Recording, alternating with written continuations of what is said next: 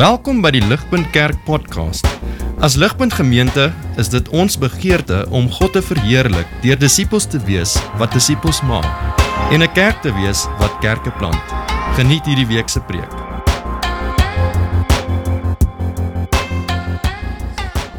And we're looking at uh, the theme that I've called it is the ultra marathon.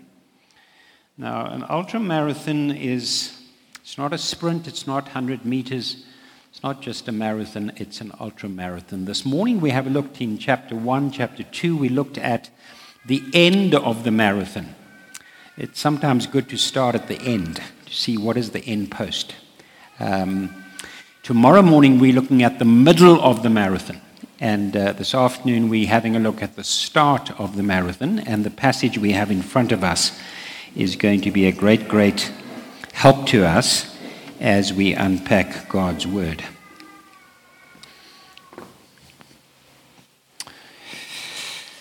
All right, let me get myself together here. All right, I do hope you've got the passage uh, open in front of you. It's going to be a great, great help to me if you do have the passage open in front of you because that's my job. My job, like any preacher, is not to share with you uh, my thoughts. My thoughts are reasonably irrelevant. Uh, what is important is, um, is God's thoughts. So we want to unpack God's word. Let me just pray again. Let's stand just to stretch your legs. Let's stand and let's just pray again.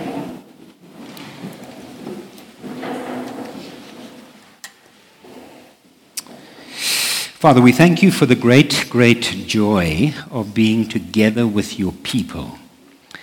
And Father, some of us here this afternoon come from homes and families and places of work or study where there are very few other real Christians.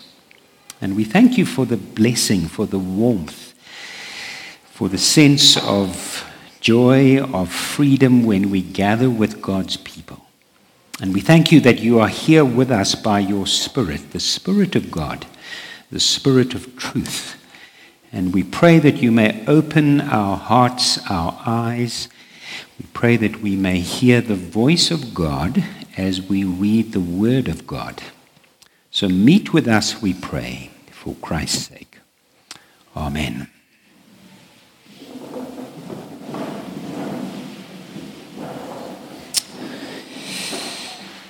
My youngest daughter got me to look at one or two uh, sitcoms from Netflix. And uh, there's a very popular Netflix sitcom called The Good Place. Perhaps you've seen it. It's been on TV for a number of years. And um, The Good Place is supposed to be heaven. And the whole series is these people who are in heaven in the good place. And the storyline is that the star of the show is a lady called Eleanor. She's died. She's now in the good place.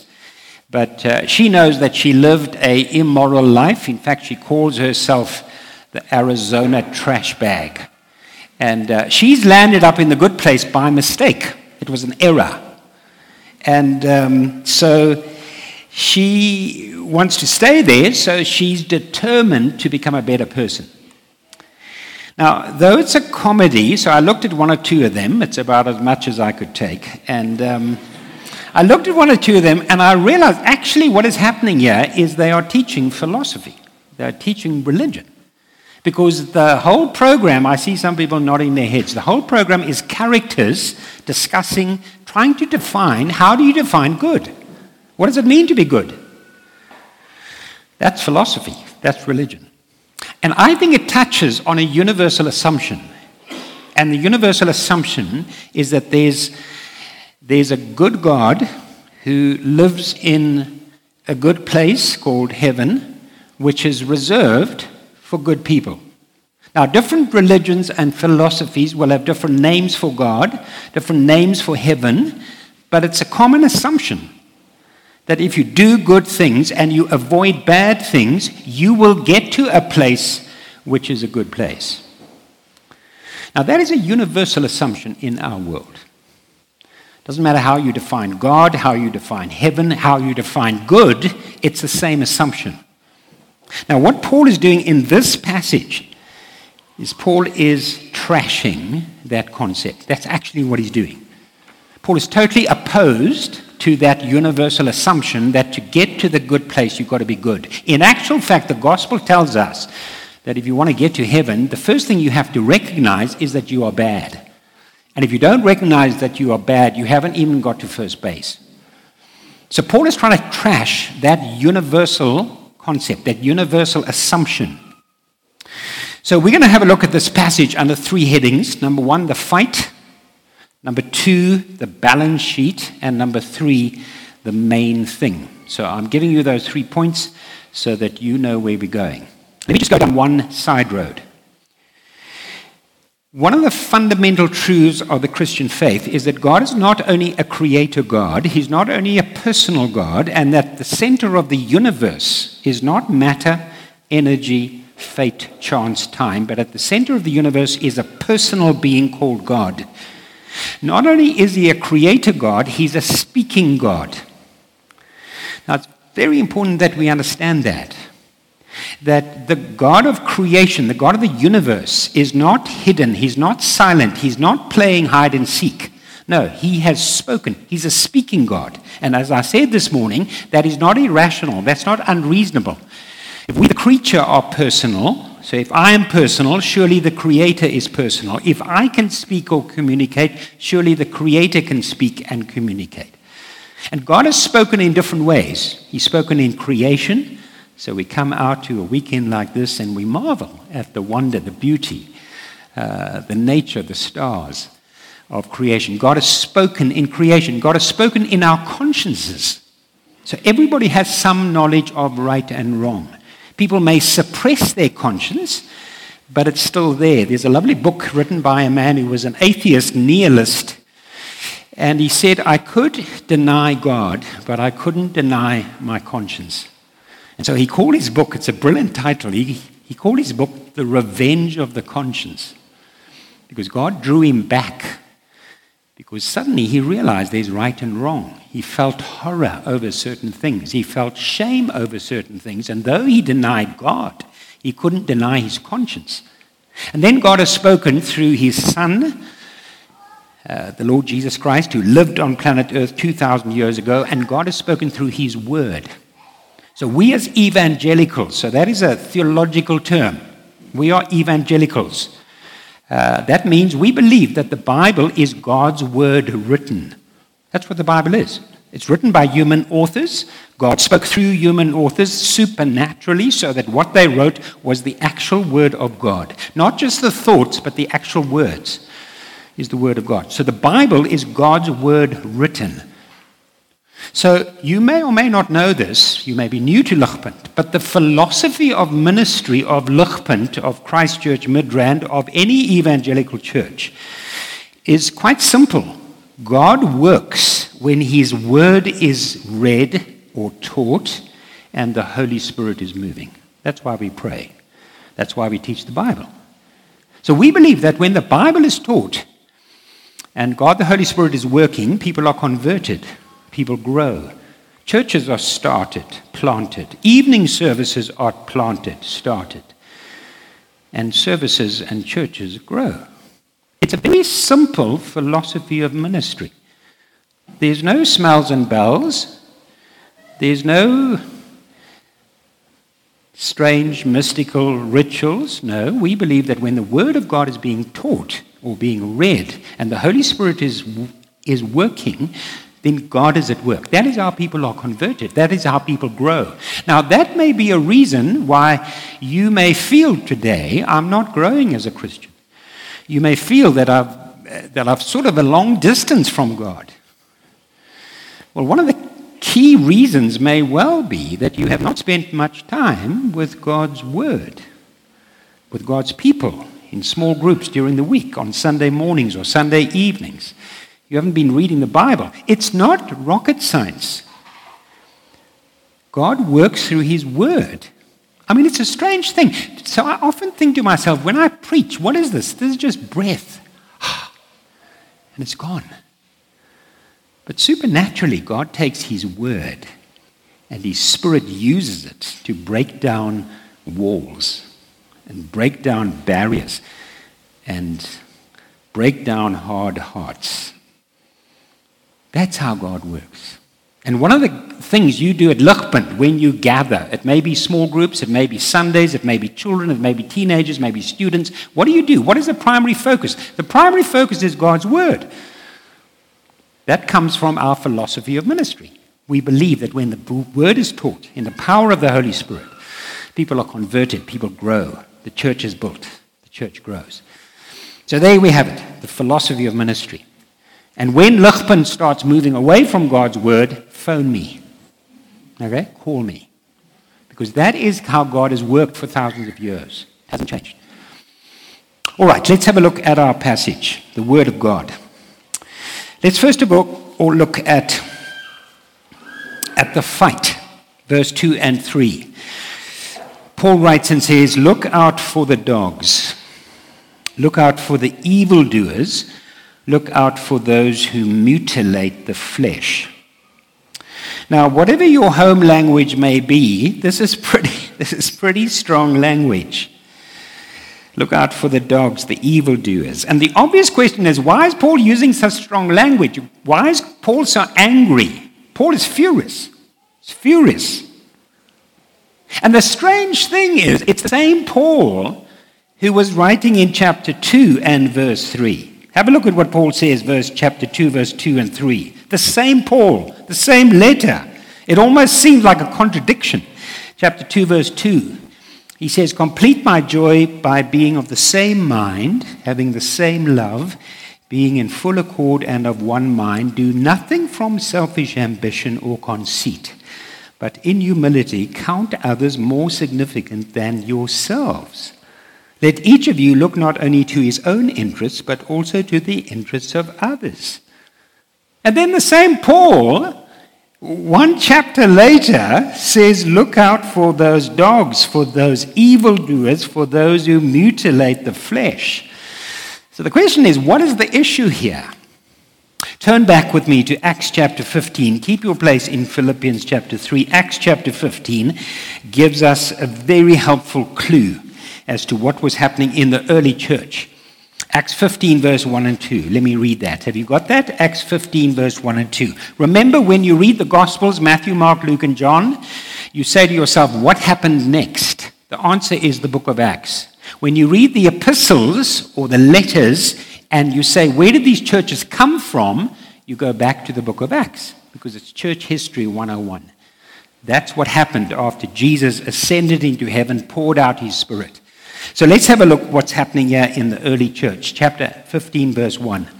But some men came down from Judea and were teaching the brothers unless you are circumcised according to the custom of Moses, you cannot be saved. And after Paul and Barnabas had no small dissension and debate with them, Paul and Barnabas and some of the others were appointed to go up to Jerusalem to the apostles and the elders about this question. So, what's happening here? What we have here is a church punch up. That's what we have. One of the first church fights. Now, most church fights are not good. I've been in ministry 40 years. I've been in lots of church fights. Most of them are not good. I've caused some of them. But this is a good church fight. Some church fights are good because it dealt with the issue of the gospel. Some of the, some of the Jewish Christians, so, so remember, the first, the first believers were Jewish men and women who came to faith in Christ. They believed that Jesus was the Messiah. And some of them were saying that if you really want to be saved, you not only need to believe in Jesus, you need to be circumcised. You need to follow the law of Moses. There's certain rituals and religion that you need to obey. And Paul and Barnabas said that is not the gospel.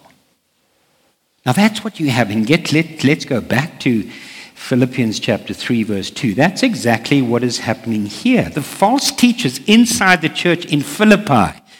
So when, so when, so when uh, this letter from Paul was being read, everybody wasn't smiling and saying, Oh, what a lovely letter. No, there were some people within this church who were very, very embarrassed. A lot of red faces. Because what was happening inside the church is that there were false teachers saying, It's good that you've come to Christ, it's good that you're following Jesus, but you need more. You need to be circumcised, you need the law of Moses. Then you will be a first class Christian. And Paul is furious because that's the heart of the gospel. These are false teachers, these are dogs, they're not shepherds.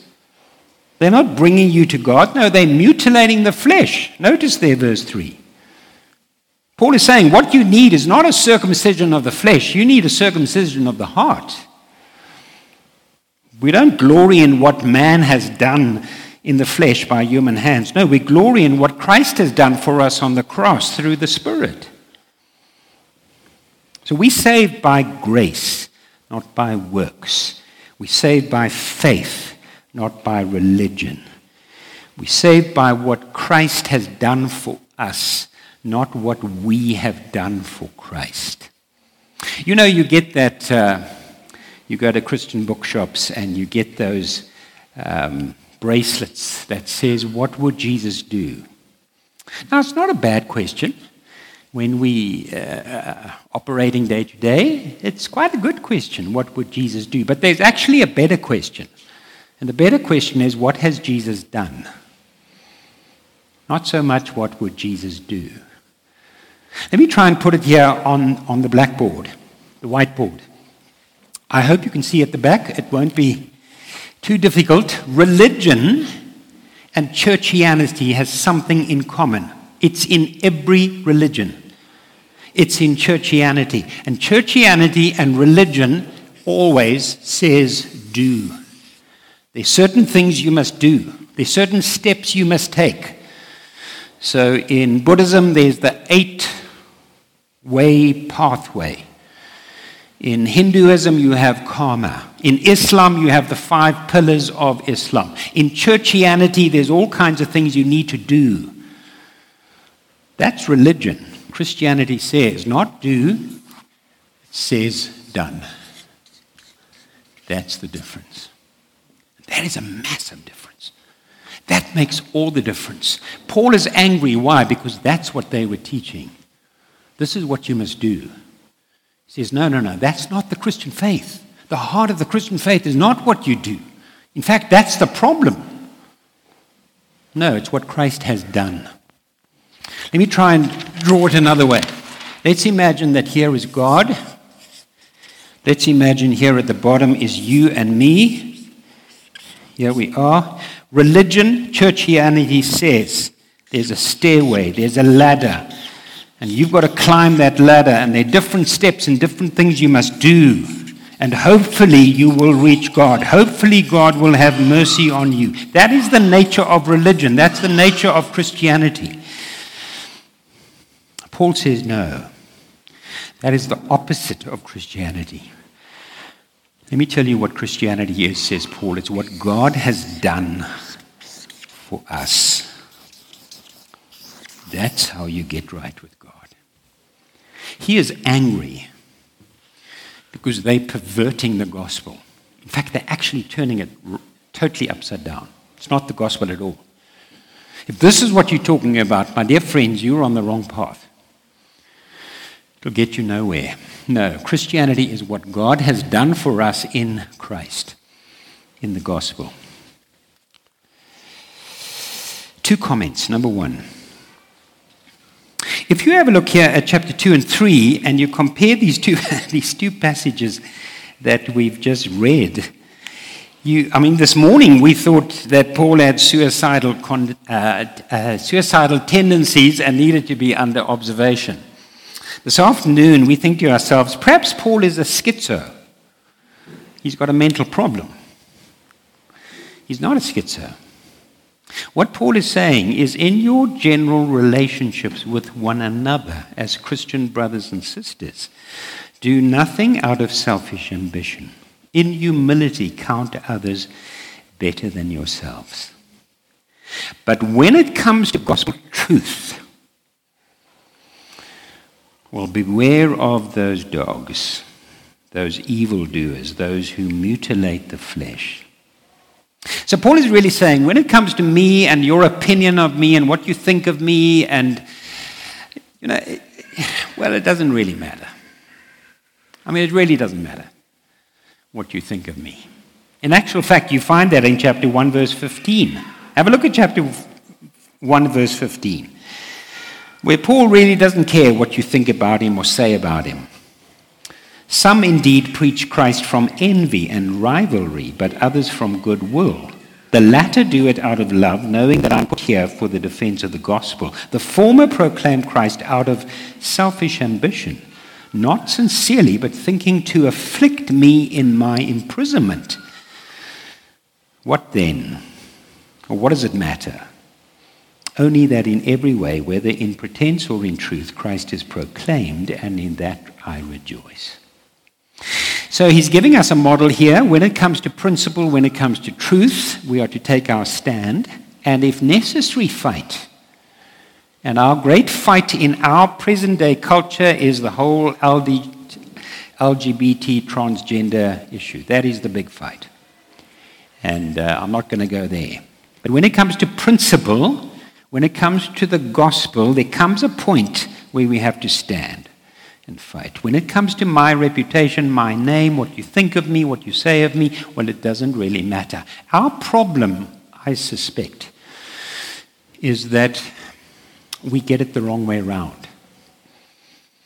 If I think of myself, I sometimes get more stressed, more upset because of what someone said or whatever about me, and I don't get as upset when someone has said that about Jesus or the gospel. So I think Paul gives us a model here. Our problem is we get the wrong way around more often than not. But perhaps that's not true for you. Second comment here just is that it's quite obvious here in chapter 3 that being right with God, getting right with God, is not a DIY exercise. It's not a DIY exercise. It's not a do it yourself exercise. You're not to say, I like to think of God like this. I like to think of the gospel like this. I like to think of heaven like this. It's not like that. The Bible is not saying that you, are, you can have your truth and I can have my truth. You can have your way to approach God, I can have my way approach to God. No. The Bible is saying God has revealed himself, God has spoken in detail. There's only one way to get right with God. It's not your idea or my idea, there's one way. So there's a, there's a sharpness there, there's a hardness there. But there should be when we're talking about truth, shouldn't there? There should be some place when you're digging with your shovel, it hits a rock. And that's the rock. Here's the rock. This is the rock. This is the rock. All right, second principle looked at the fight. Number two, the balance sheet. The balance sheet. People in my church know that I don't know much about balance sheets. They know that I know how to spend money. Um, so they would probably smile if I talked about the balance sheet. The key verse here must be verse 7 in this passage. But whatever gain I had, I counted as loss for the sake of Christ. So, what do we have here? We have a balance sheet. There's gain on the one hand, there's loss on the other hand. There are assets on the one hand, there are liabilities on the other hand. However, what we'll discover as we work through this section is that there's a strange change in accounting procedure in Paul's thinking. What he once thought was an asset actually is a liability. What he once thought was profit actually is loss. So let's have a look at Saul of Tarsus, who later became the Apostle Paul. He was, he was the most religious, most legalistic, obeying the law person you could find. And he gives us seven characteristics of his religious CV. Seven characteristics of his CV. Let's quickly have a look at them. Um, Johan will stop at about half past seven. Is that all right? Yeah, no, we keep going. uh, that's a joke, guy. That's a joke. Just relax. Let's quickly have a look. Seven characteristics of his CV. Let me read from verse 4 to 6. Though I myself have reason for confidence in the flesh also, if anyone else thinks he has reason for confidence in the flesh, I have more. Circumcised on the eighth day, the people of Israel, of the people of Israel, of the tribe of Benjamin, a Hebrew of Hebrews, as to the law, a Pharisee, as to zeal, a persecutor of the church, as to righteousness under the law, blameless. Number one, circumcised on the eighth day. That was a sign that Paul belonged to the covenant people of God with all their privileges. Remember Genesis 17? God, uh, Abraham, God said to Abraham, I will be your God, you will be my people, and the sign of that is that you will be circumcised, and your sons will be circumcised on the eighth day. Ishmael, interesting that Ishmael and his descendants were only circumcised in the 13th year.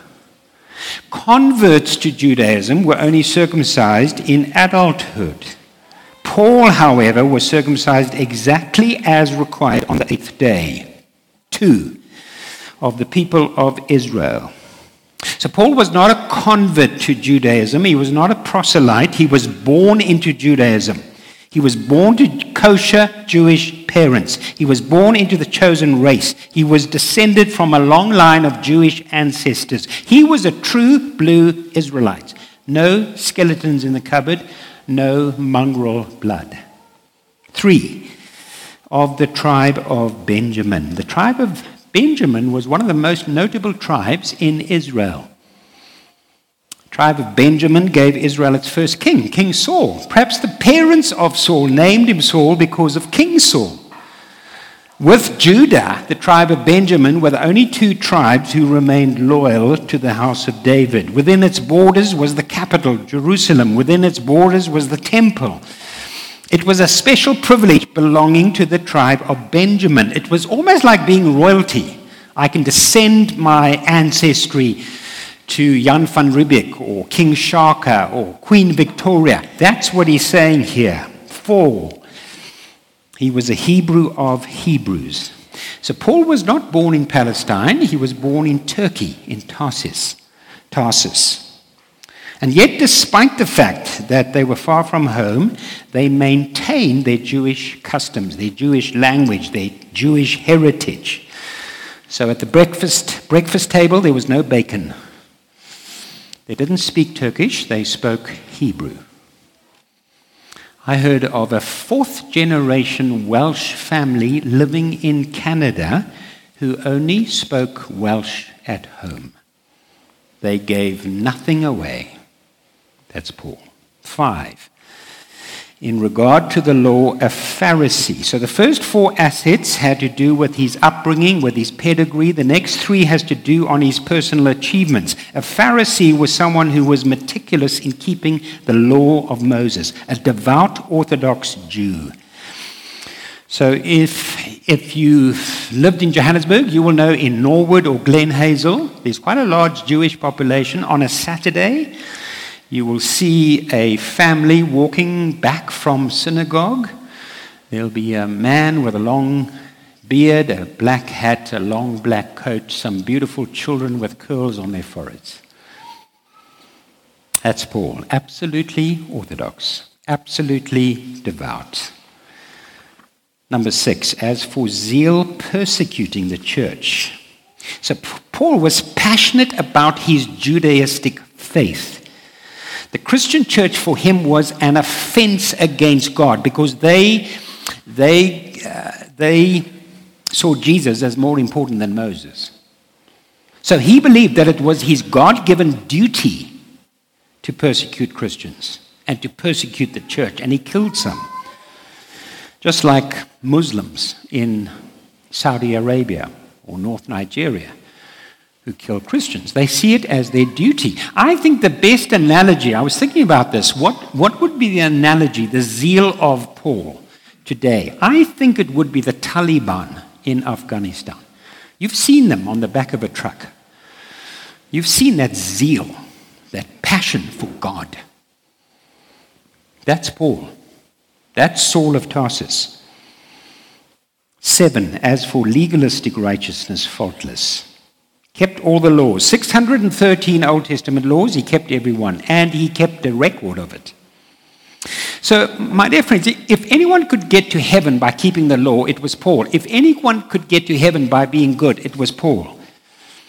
Here's his remarkable sevenfold CV. Surely these assets would get him into the presence of God. And then you have the shocker of verse 7. It's a shock. But whatever gain I had, I counted as loss for the sake of Christ. What a shattering discovery. When you discover all your life, all your life, you've been on the wrong path.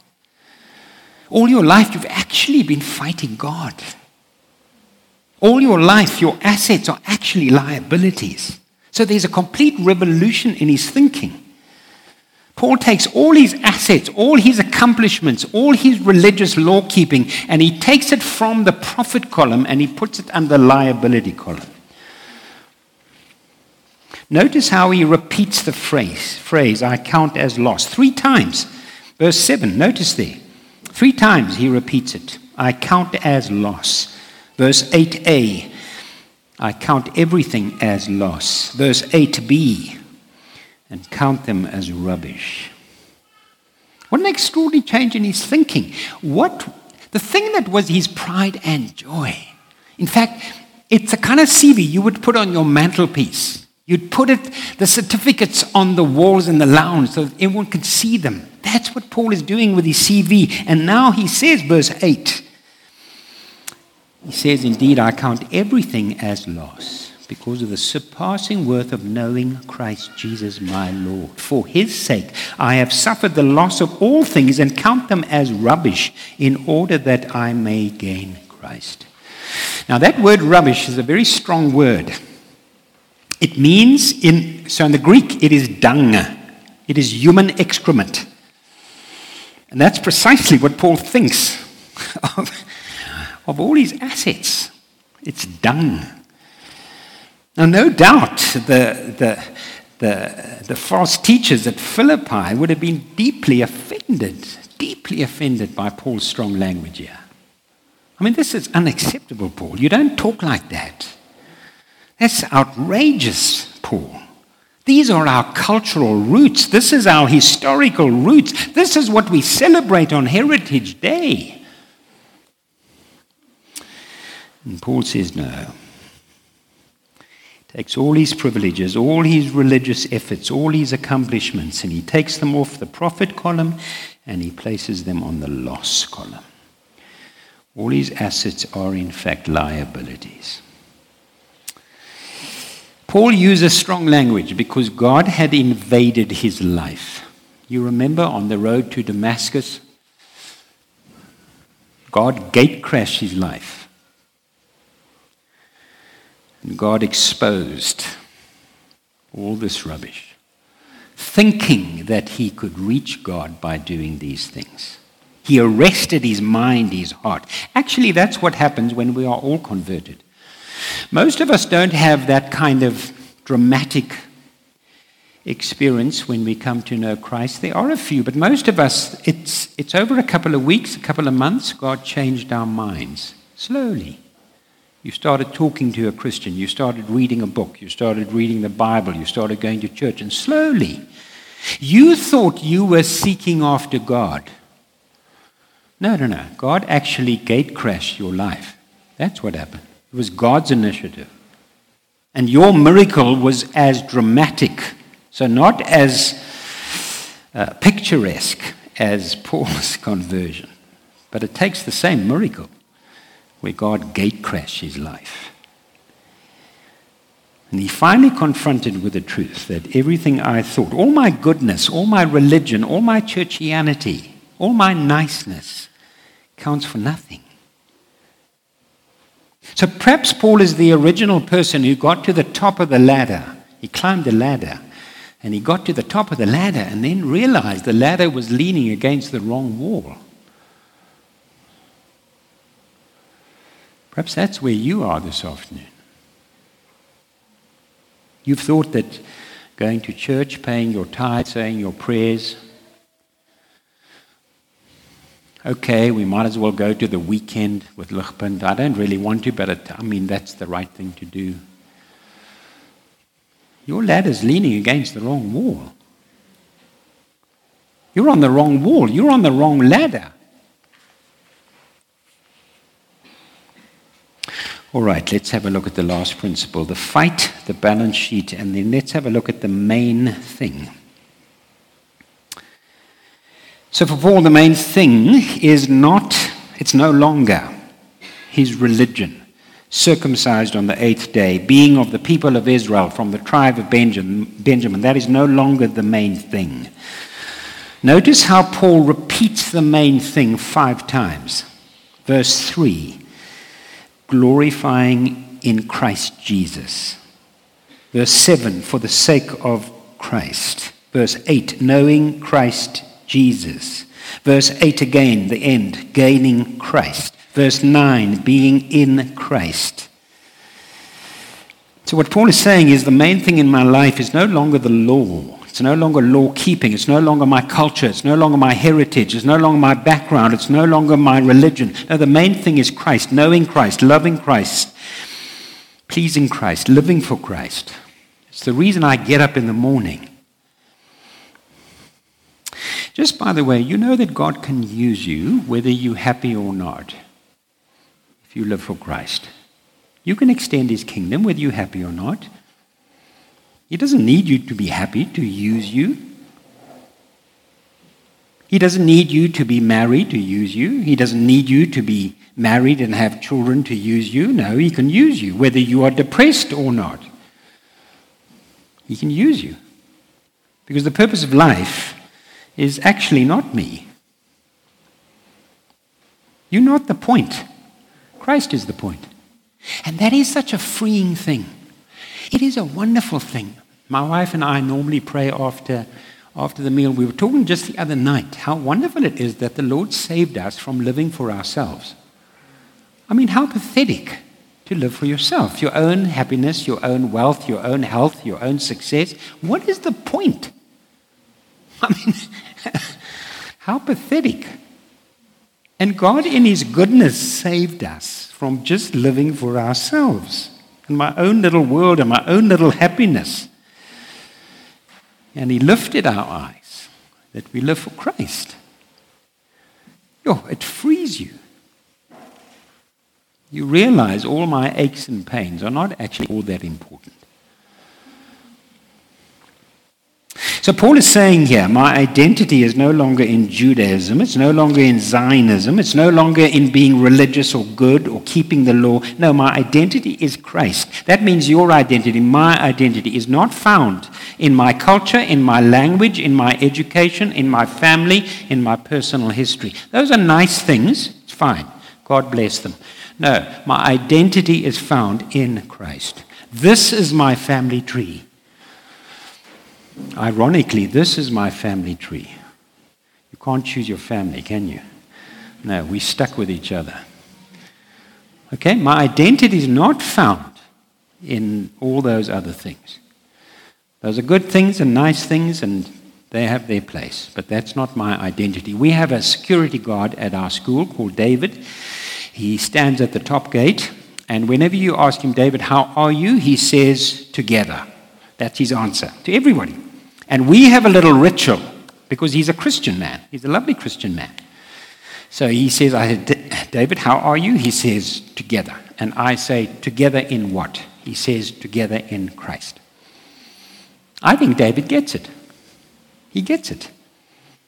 So churchianity says I'm a Christian if I go to church. I'm a Christian if I'm baptized. I'm a Christian if I'm confirmed. I'm a Christian if I help at the Sunday evening service. I'm a Christian if I go on the weekend away and put up with all those people. I'm a Christian if I pay my tithe. I'm a Christian if I say my prayers. I'm a Christian if I take communion.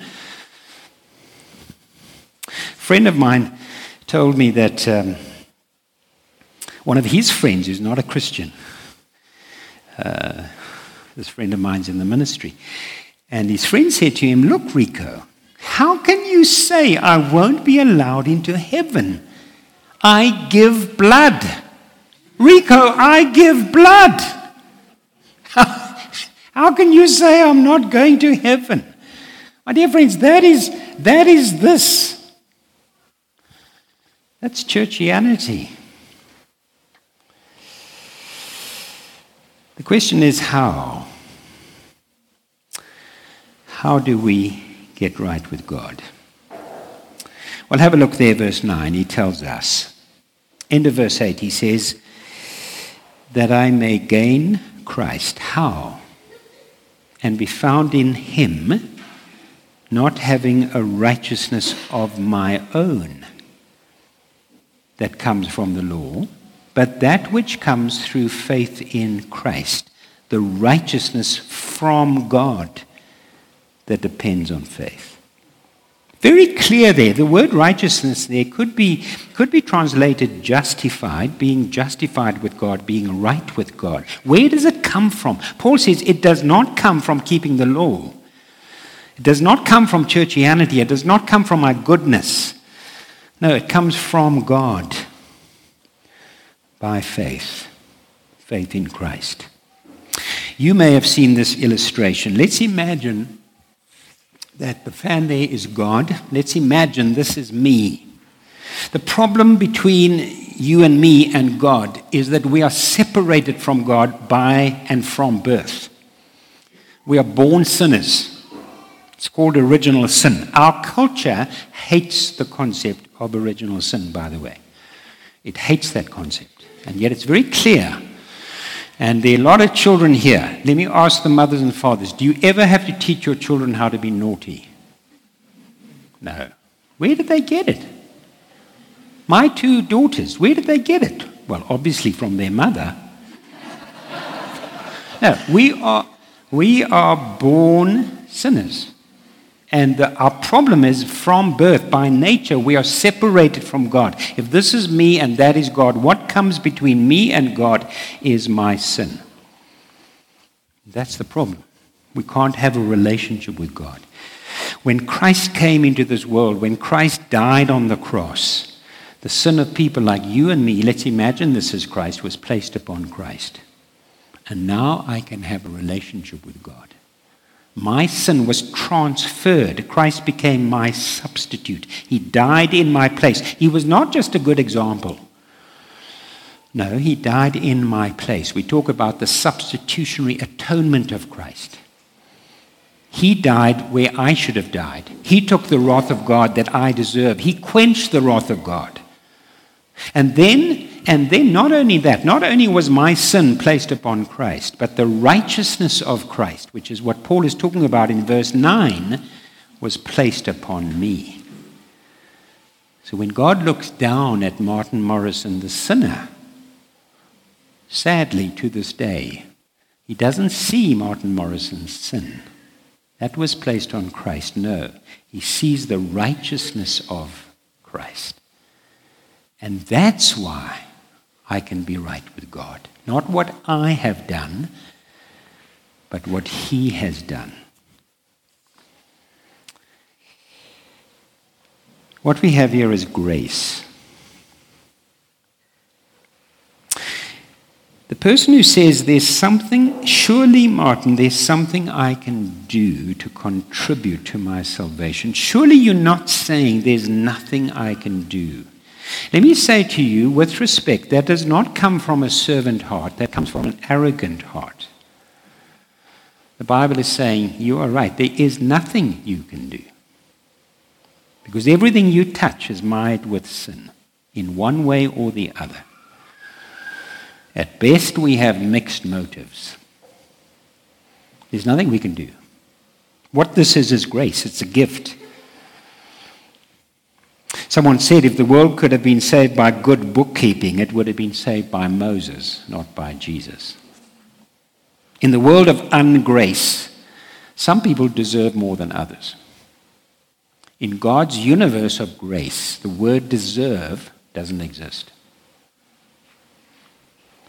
Let me close and ask you this question. If you were to stand before God today, and God were to say, Why should I let you into my heaven?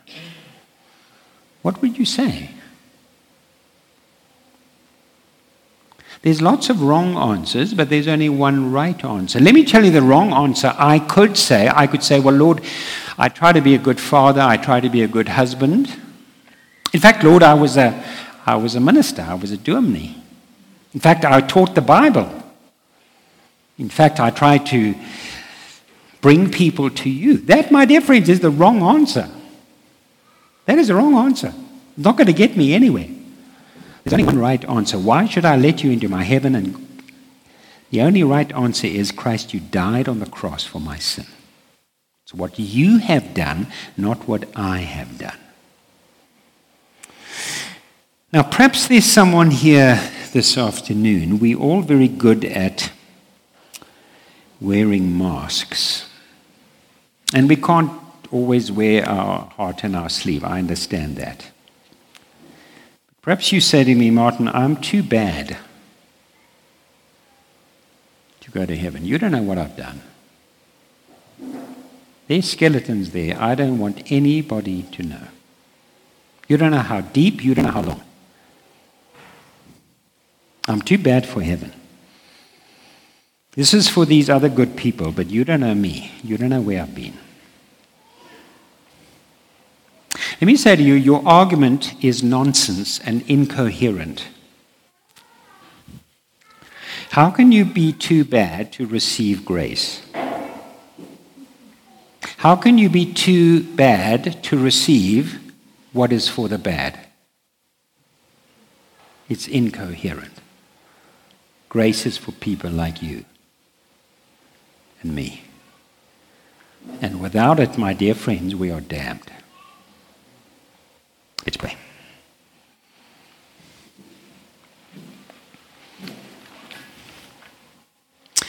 Let's spend a few moments of quiet as we reflect on God's word, and you may want to tell God where you are.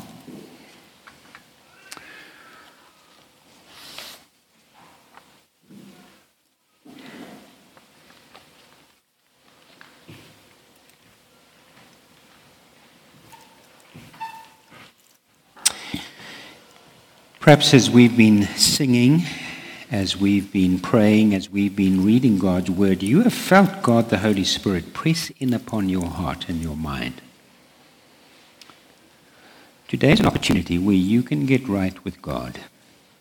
You can stop your ducking and diving. Getting right with God needs a step. You need to cross a line. And you do that by talking to God. You do that in prayer. If you want to get right with God, why don't you repeat these words that I'm going to say just in the back of your head? It's very private, it's between you and God. Now, you may not be ready to pray this prayer, and that's fine. We understand that. But if you have felt God the Holy Spirit press in upon your heart and your mind today, this week, wouldn't today be a good day to finally get right with God? Here's the prayer. You just repeat the words quietly in your head. Father, I don't understand it all, but I know that I need you. I know that Christ died on the cross for my sin. Will you rescue me? Will you make me a Christian? Will you help me to live under your leadership? Father, we thank you that all, with all our questions and doubts, when we call on you for mercy, you hear and you answer. So, Lord, work amongst us, we pray, through your word and by your Spirit. Amen. Now, just before I see the band is behind me, if you pray that prayer, just one or two things. You may want to speak to one of the one of the staff here at Ligpunt, one of the elders, one of the leaders, or perhaps uh, someone who brought you. Tell them you prayed that prayer because they will want to meet with you and help you to take the next step in the journey. It's a journey, it's a marathon. And if you pray that prayer, you've taken the first step in the marathon. It's a great marathon, but it is a marathon. And you need help. So you need to tell someone you pray that prayer so that they can meet with you, they can give you some material to help you in the next step. Tomorrow morning we'll be back and we'll be having a look at the middle of the ultra marathon. Thanks. Vir meer inligting oor Ligpunt Kerk, besoek gerus ons webwerf op www.ligpunt.com of kontak ons gerus by info@ligpunt.com